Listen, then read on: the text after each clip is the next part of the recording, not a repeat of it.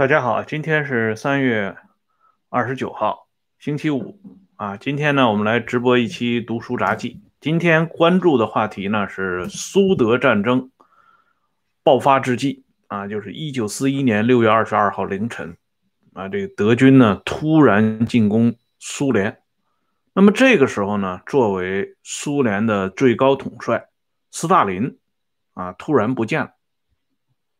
这个事情到底是怎么回事呢？我们现在啊，来具体的讲一下关于啊这个历史人物。原来的英国著名的历史学家托马斯·卡莱尔有一句名言，他说：“这个人啊，最大的错误在于认为自己从来不会犯错误。”他这句话实际上是有针对性的。因为他主要针对的，就是类似于像斯大林这样的人物，因为只有这样的人物才有资格认为自己从来不犯错误。在苏德战争爆发之前，我们都知道啊，有一个著名的苏德互不侵犯条约，这个签署的时间是在一九三九年八月二十三号，当时希特勒。他的观点是，认为只有当德国在西线腾出手来的时候，才能够反对俄国，啊，不可能两线同时作战，因此啊，他需要有这么一个缓冲的时机，这样呢，苏德合约啊也就应运而生。以往在播放类似的啊关于这个苏德历史的。影片啊，记录影片就是主要是在盐碱地播放的时候呢，啊，经常有这么一个情节被插入进来，那就是说，当德国的外交部部长里宾特洛甫强调啊，这个苏德互不侵犯条约当中是不是应该加一句，这个苏德两个国家啊如何如何友好之类的这种修饰的词句。当里宾特洛甫提出这个词句的时候呢，遭到了斯大林的拒绝。斯大林不同意里宾特洛甫的提议。斯大林的话是这么讲的：“他说，既然德国政府在过去的六年当中一直就在这个污蔑苏维埃政权，那么我们现在没有办法向人民交代。”也没有办法向我们的人民啊相信一个事实，那就是我们居然能够同德国保持着友谊的关系。这个事情呢，呃，斯大林确实是说过，说过以后呢，被呃很多这个带有严重倾向性的这种啊历史作品呢多次的引用。借此呢，来向大家表明一个立场，那就是斯大林之所以同意签署苏德互不侵犯条约，并不是啊斯大林轻信了德国人，而是斯大林呢，呃心里很清楚这件事情，否则斯大林也不会拒绝里宾特洛甫外交部长的提议。然而呢，经过前苏联解体之后，他公布出来的档案。资料显示，在签署啊苏德互不侵犯条约一个月以后，斯大林却非常赞成在相关文件当中增加里宾特洛甫外交部长的这个提议。也就是说，斯大林认同啊他和德国之间的和解是一种友谊的促成，而不是像我们一直以来所坚信的那个历史教科书。向我们宣讲的那种片面的内容，那么这样呢？德国在西线捞足了好处以后，苏联呢也加入了进来。我们都知道，在德国闪击波兰，苏军呢也进入到波兰，苏德合伙瓜分波兰，而且斯大林利用德国在西线的呃作战的同时呢，他把手呢伸进了波罗的海。三国，我们都知道那个爱沙尼亚呀、立陶宛呢，啊，拉脱维亚的独立和并入苏联的版图，就是在这个时期发生的。斯大林呢，当时有一个非常重要的观点，他是认为，只要我们不去招惹希特勒，他就不会进攻我们。所以那个时候有这么一个非常有意思的事情发生，就是德军的飞机啊，有一次啊，应该是操作上的失失误啊，或许也是这个主观上啊想这么做，反正呢，他就是越境进入到了。苏联的领空，结果呢就被击落了。击落之后呢，斯大林得知这个情况，他很着急，他呢自行前往这个克里姆林宫处理这件事情。啊，他同莫洛托夫两个人马上安排向德国道歉的事宜。前因后果呢，他向德国政府做了一个长篇的解释。总之。这是一场误会，在苏德两个国家之间，再也不会发生这种误会了。他向德国做出了一个承诺。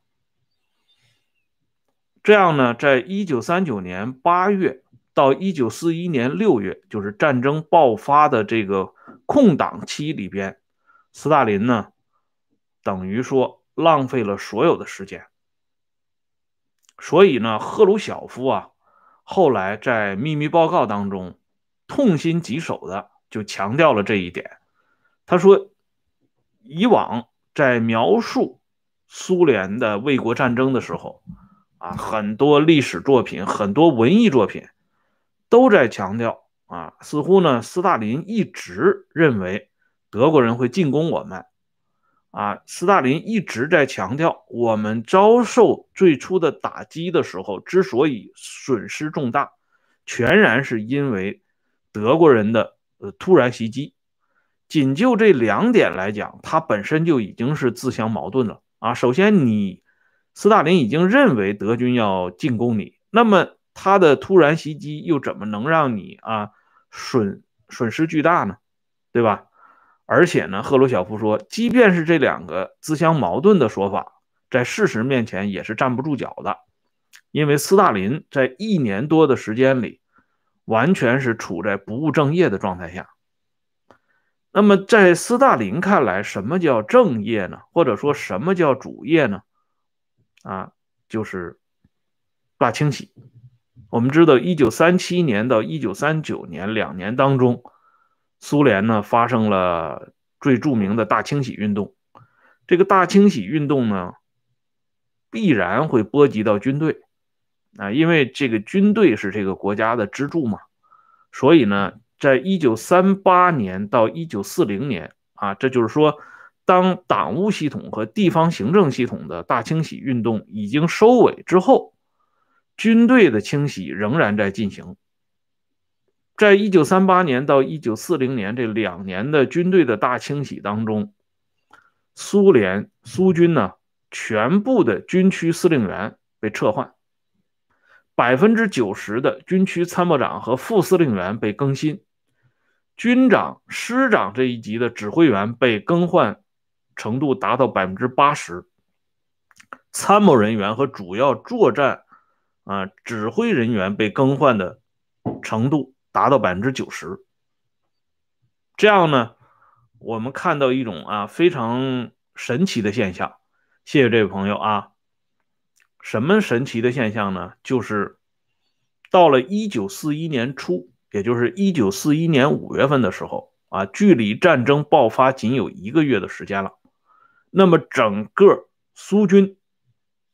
这些指挥员当中，只有百分之七点一的人。接受过高等军事教育，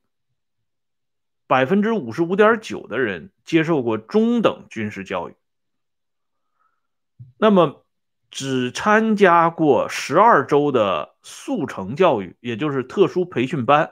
以及完全没有接受过任何正规军事教育的比例，高达百分之三十八以上。在战争爆发的第一个月里边，啊。百分之七十五的苏军军事指挥员和百分之七十的政工干部任职不满一周年，啊，这个这个数字是很惊人的啊，也是向我们展示了一个非常可怕的现象啊。我们知道啊，这个军事指挥员要是有这么大比例的啊上岗才仅仅一年的情况下，那么我们有理由相信，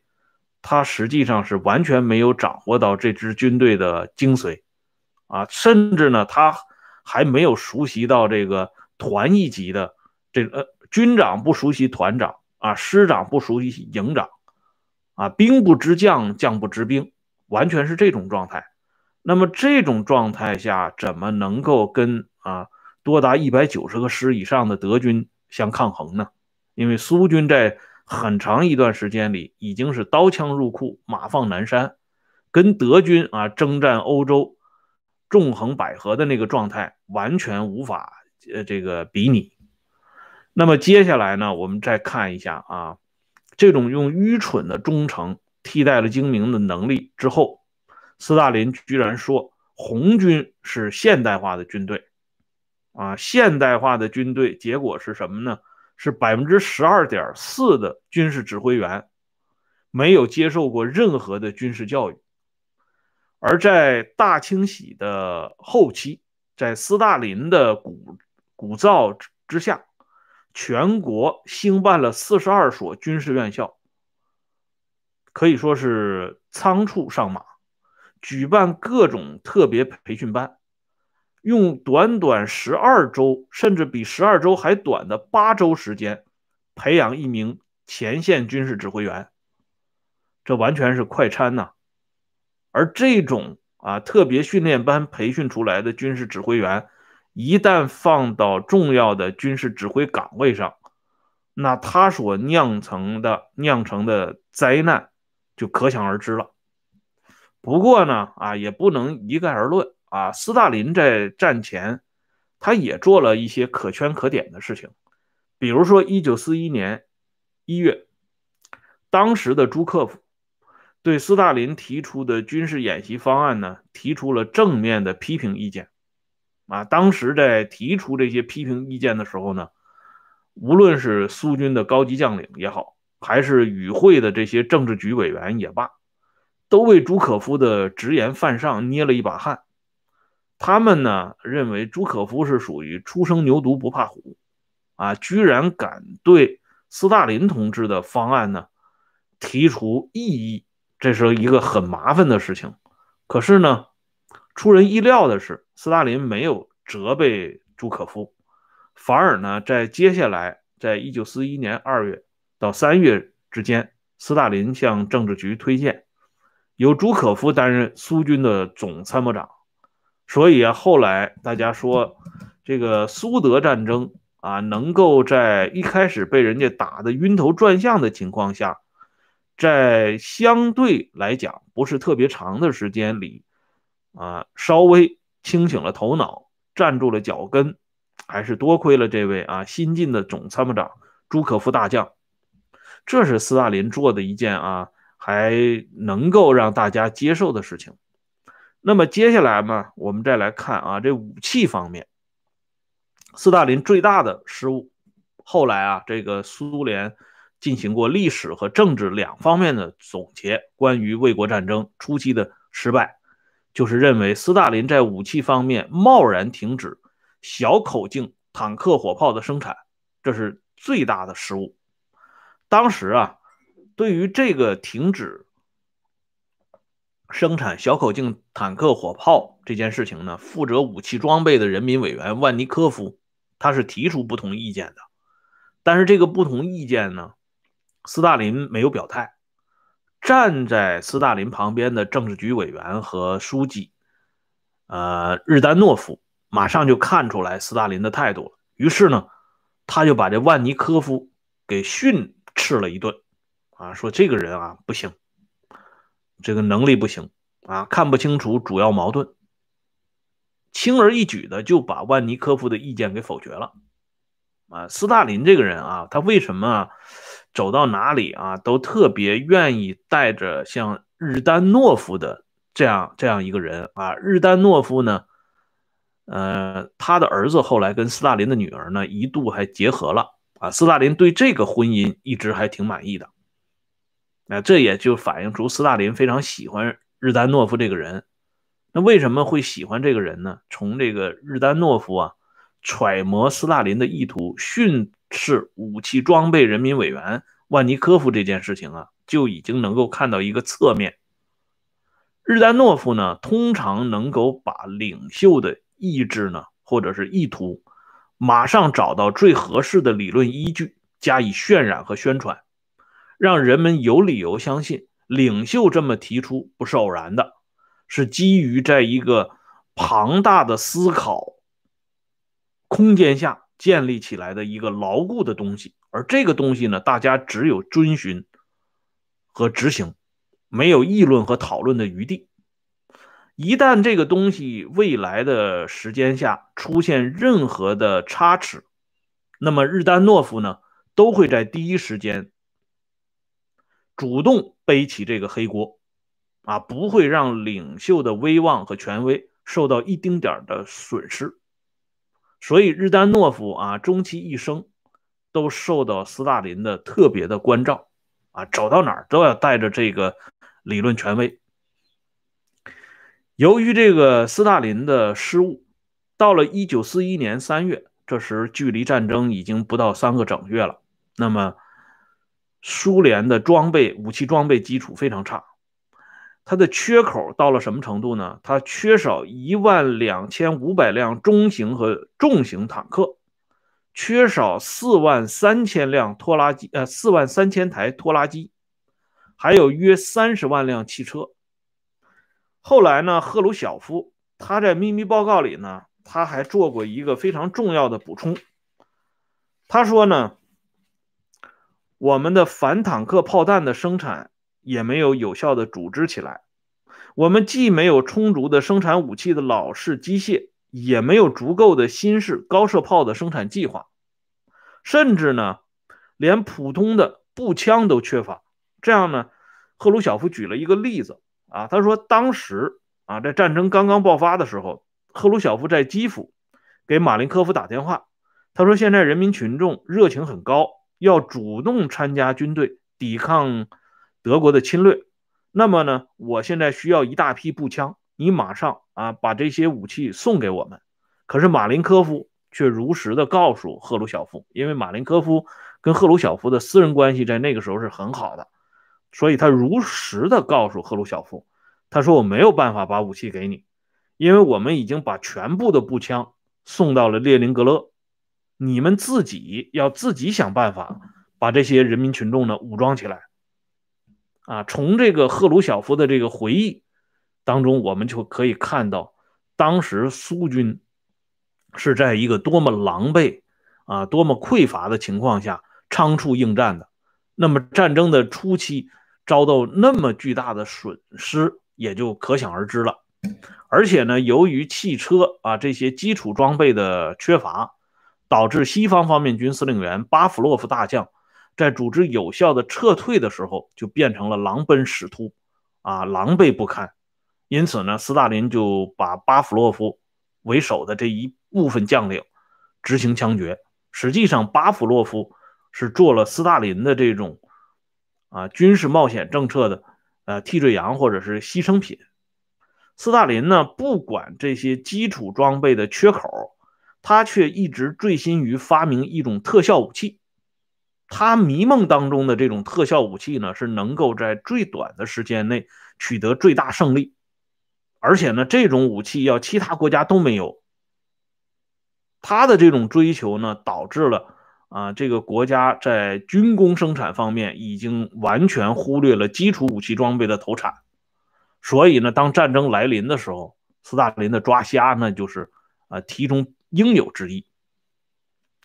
关于德国和日本啊。不会放过苏联这件事情。布哈林在活着的时候，啊，在党的全国代表大会上就大声疾呼过，说尤其不能轻视德国的危险，啊，因为那个时候希特勒已经上台了，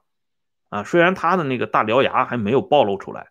但是布哈林呢非常敏感的感感觉到了。可是呢，这位党内的宠儿啊，被列宁称之为党内的宠儿的布哈林，最后被斯大林搞掉了。而且呢，斯大林根本就不相信布哈林说的这一套。在一九四一年的时候，这时候战争已经迫在眉睫了。丘吉尔作为英国首相，给斯大林转过一个重要的信函，就是告诉斯大林，呃，德国人肯定要进攻苏联。斯斯大林呢，却讥讽丘吉尔，他认为这个精明的英国人一定是要把苏联拖入到与德国对抗的泥潭当中，啊，要替他人做嫁衣裳。替英国人在火中取栗，所以呢，斯大林这个时候，他委托日丹诺夫开动全部的这个宣传机器，在意识形态领域里边呢，向全体民众灌输这样一个概念，就是德国的后方非常不稳固啊，所以呢，他没有办法啊向苏联进攻。而且他只要敢向苏联进攻，那么我们会在很短的时间内啊准备起来，得到充分的呃补充，然后呢，我们以最大的力量，用我们的铁拳啊粉碎德国的一切企图。这是斯大林给民众灌输的，而且他还强调一点，他说苏联是什么？苏联是全世界无产阶级工人的祖国，啊，如果德国敢于冒天下之大不韪进攻苏联的话，无产阶级工人都会起来的，包括德国的无产阶级工人，啊，那一下子就会把这个希特勒他们吞掉。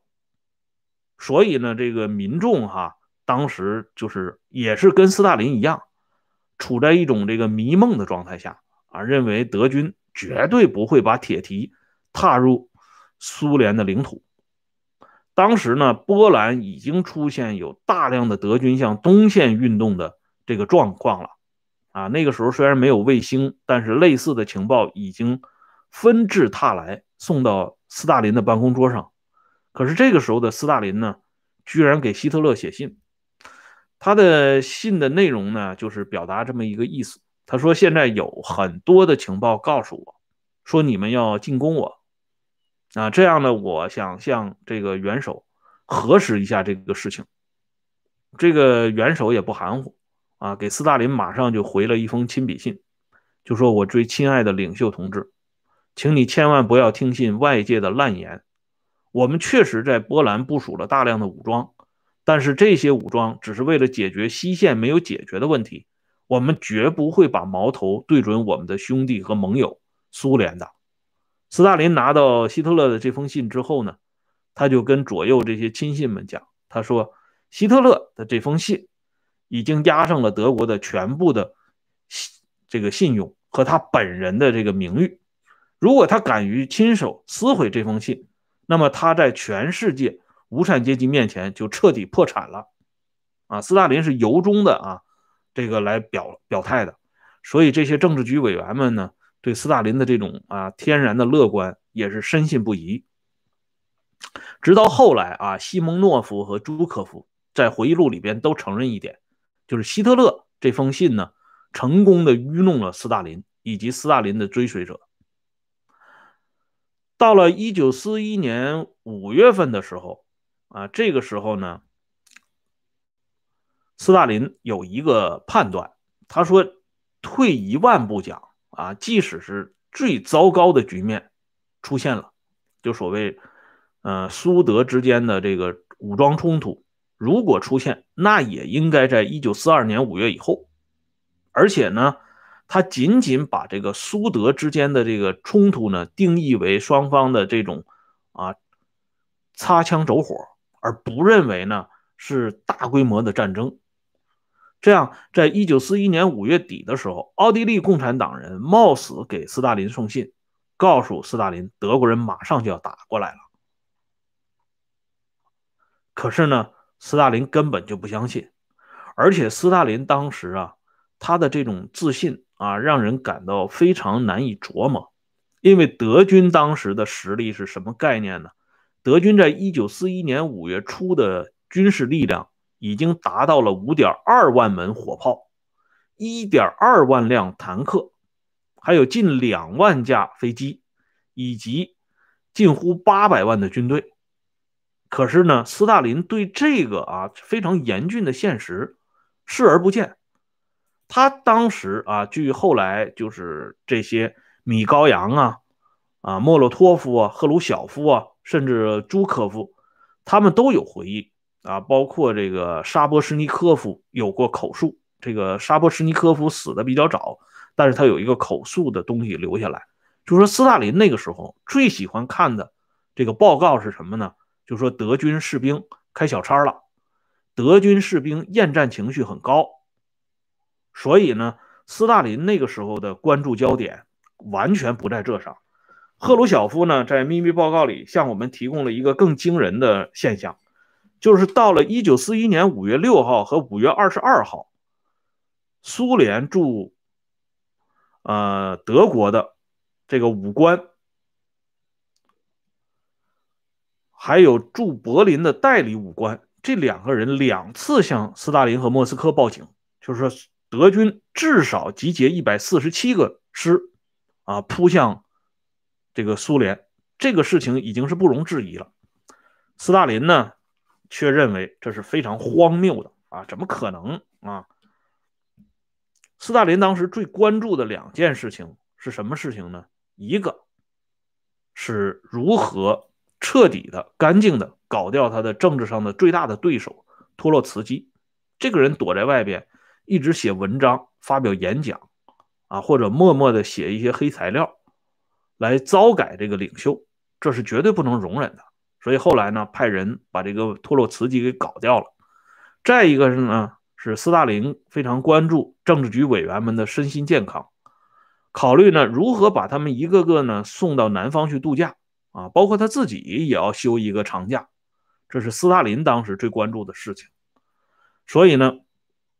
朱可夫后来讲过一个事情啊，朱可夫说，在战争爆发前夕，斯大林断然拒绝西部各军区进入高度戒备状态，而后来牺牲在前线的基辅军区司令员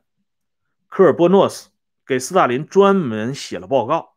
他建议呢，就是德军是正在。布格河畔做进攻的准备，估计很快就要展开军事攻势了。那么，我们应该组织和巩固防卫战线，同时呢，从国境地区撤出三十万居民，还要建立一些拥有反坦克城城壕和战壕的坚固据点。但是，斯大林和政治局对这个司令员的回复呢，就是胡扯啊。因此呢，我们看到，当这个苏德战争爆发的时候，六月二十二号爆发的这个时候，啊，我们看到斯大林说的第一句话是什么呢？我们该怎么办？啊，他问全体政治局委员说：“我们该怎么办？”脑子里完全没数，而且直到这个时候啊，当政治局委员们陆续从他的办公室里走了以后，斯大林在面对他的办公室主任波斯克列贝舍夫。的时候，他还在自言自语的说了一句话，他说：“难道希特勒敢发动对苏联的战争？”啊，就到这个时候，斯大林都不相信，眼前的这场战争真的已经是如期而至了，啊，所以呢，这个可是呢，接下来的这个事实呢，太过残酷，这个画面呢，太过美丽，让斯大林呢完全接受不了，所以呢，斯大林就是。失魂落魄，躲在近郊的别墅里出不来了。当时呢，政治局委员很慌张啊，他们这些人就找不到斯大林了啊。这个时候呢，最有办法的莫过于贝利亚。最后呢，他们就让贝利亚去找，说领袖到底啊跑到什么地方去了？我们必须要见他。贝利亚呢就赶紧去找。这个时候呢，啊，有一个非常正直的，后来呢也是因此而付出全部代价的。啊，苏联国家计划委员会主席沃兹涅先斯斯基，后来担任过部长会议第一副主席和政治局委员。这个沃兹涅先斯基呢，是苏联卫国战争后方大本营的骨干力量啊。用我们这个中国历史的这个历史人物来形容呢，他就是类似于刘邦身边的萧何。汉光武帝刘秀身边的寇寻啊，这是一个完全不可或缺的人物。沃兹涅先斯基呢，当时看到国家的领土遭到如此的践踏，而最高领袖呢，居然啊跑掉了啊，反正大家就找不到了，痛心疾首啊，他就对这个负责任的莫洛托夫说了这么一句话，他说：“由你挑头，我们跟着你。”啊，沃兹涅先斯基呢，就把自己的肺腑之言一不留神就给说了出来。这个莫洛托夫啊。他是斯大林最看重的这个助手，他的这个形象和他当时起的作用非常相近于周恩来。这个莫洛托夫很冷静，他就说：“我们先找找看。”啊，这是后来啊政治局委员米高扬的回忆录里边提到的。所以后来米高扬说：“我们在近郊别墅里终于啊找到了斯大林。”斯大林垂头丧气，啊，他看起来一点精神都没有，什么都不想过问，什么都不想干了。然后呢，他看到我们鱼贯而入，第一个反应是什么呢？你们来干什么？啊，所以后来解密的前苏联档案显示，斯大林当时的惊恐就是说问，嗯，米高扬、莫洛托夫他们这些人啊，你们来干什么？他的这个潜台词是什么呢？斯大林当时怀疑这些政治局委员要集体找他清算，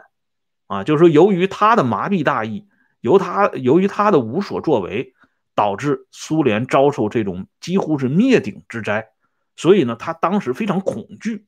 他怕这些政治局委员们联合起来啊跟他算账，所以他才会啊这个发自这个内心的啊问了一句：“你们来这里干什么？”结果呢，这个时候莫洛托夫站了出来，告诉斯大林：“他说我们来这里啊是想请您赶紧出来啊，我们决定组织这么一个领导机构，领导全国的。”啊，抵抗力量，这样呢，还是请您来掌舵。斯大林听到这里呢，才算是惊魂甫定。而后呢，当这个战局逐逐渐稳定以后，莫洛托夫呢向斯大林告密，说在最紧急的时候，沃兹涅先斯基呢居然提议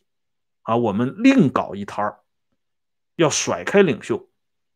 另立山头。斯大林呢，因为当时要借重于沃兹涅先斯基，所以呢，他把这个事情呢先压了下去，没有做任何的表示，反而呢一再提升沃兹涅先斯基的职务。可是等到卫国战争结束之后，斯大林把沃兹涅先斯基和他的家属一并送上了法场，啊，这是后话了。那么我们接下来看啊。所有的这些失误，可以说啊，它都是因为一个症结，一个节点，那就是这个无产阶级著名革命导师恩格斯所强调的。他说，当一个伟大的政治人物，他一旦陷入到一种盲目的倔强的状态下，那么他跟小丑无异啊，跟小丑没有任何区别。啊，这是恩格斯教导这些无产阶级的这个这些学生们的一个著名的这个论断。那么，斯大林啊出现这个在战争初期出现这么大的失误啊，让这个苏联蒙受了前所未有的巨大的损失，它的根基在哪里呢？就在于斯大林总揽了全部的权力，攫取了苏联所有的头脑啊。苏联人所有的脑袋都长在斯大林的脖子上，或者系在他的裤腰带上。他的一言一行代表了几乎全体苏联人的意志。这些人啊，心甘情愿，或者是局部被迫的，把自己的全部的思想、生命和代价都交托了给这个人。久而久之，在斯大林的头脑当中，他就天然的认为自己就是一切。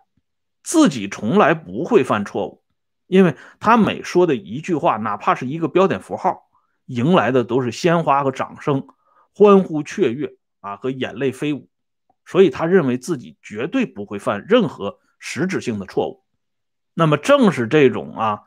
非常嗨的情绪，把斯大林呢一直推到公元一九四一年六月二十二日凌晨四点钟。那么他这的这种情绪迎来的是德军无情的炮火，所以呢，我们就看到核心是什么呢？就是这种集权啊，这种集权最终也把这个人物呢送上了西天。斯大林如此啊，斯大林对手更是如此。希特勒何尝不是一个啊另一个版本的斯大林呢？啊，斯大林侥幸的逃脱了斯这个希特勒的下场，但是他在初期啊的这种惊慌失措的表现。同样也是这种状态的最佳的折射，啊，斯大林之所以避免了希特勒的下场，无非是在斯大林的身边聚集了一大批精英人物，这些人物呢或多或少或在各个层面上帮助斯大林扭转了败局，站稳了脚跟，但是这种侥幸不会一次再一次的出现，所以斯大林后边的继承者继续沿袭这套做法，那么最终。他们接受的这个必须接受的结局是什么？我相信大家都已经耳闻目睹了，就不必再重述了啊。所以呢，咱们今天回顾这段历史的目的啊，不是为了去啊把这个斯大林给臭一番，而是呢，应该啊最大限度的吸取历史教训，不至于让某些悲剧啊完全无缝嫁接的全部重演。啊，你不让他重演也不可能，但是呢，最好重演的力度要降低一点，而且即便是重演，我们每一个身在其中的人心里呢，多多少少要有一点思想准备，这总比啊在懵懵懂懂当中让人家给送走了强很多的啊。好了，今天呢，咱们这个节目就说到这里，感谢朋友们上来收看。我们接下来的时间呢，还会关注另外一个非常有意思的文化人物。届时呢，我会大家我会给大家发出通知的。啊，好了，今天呢节目说到这里，下次我们接着聊，再见。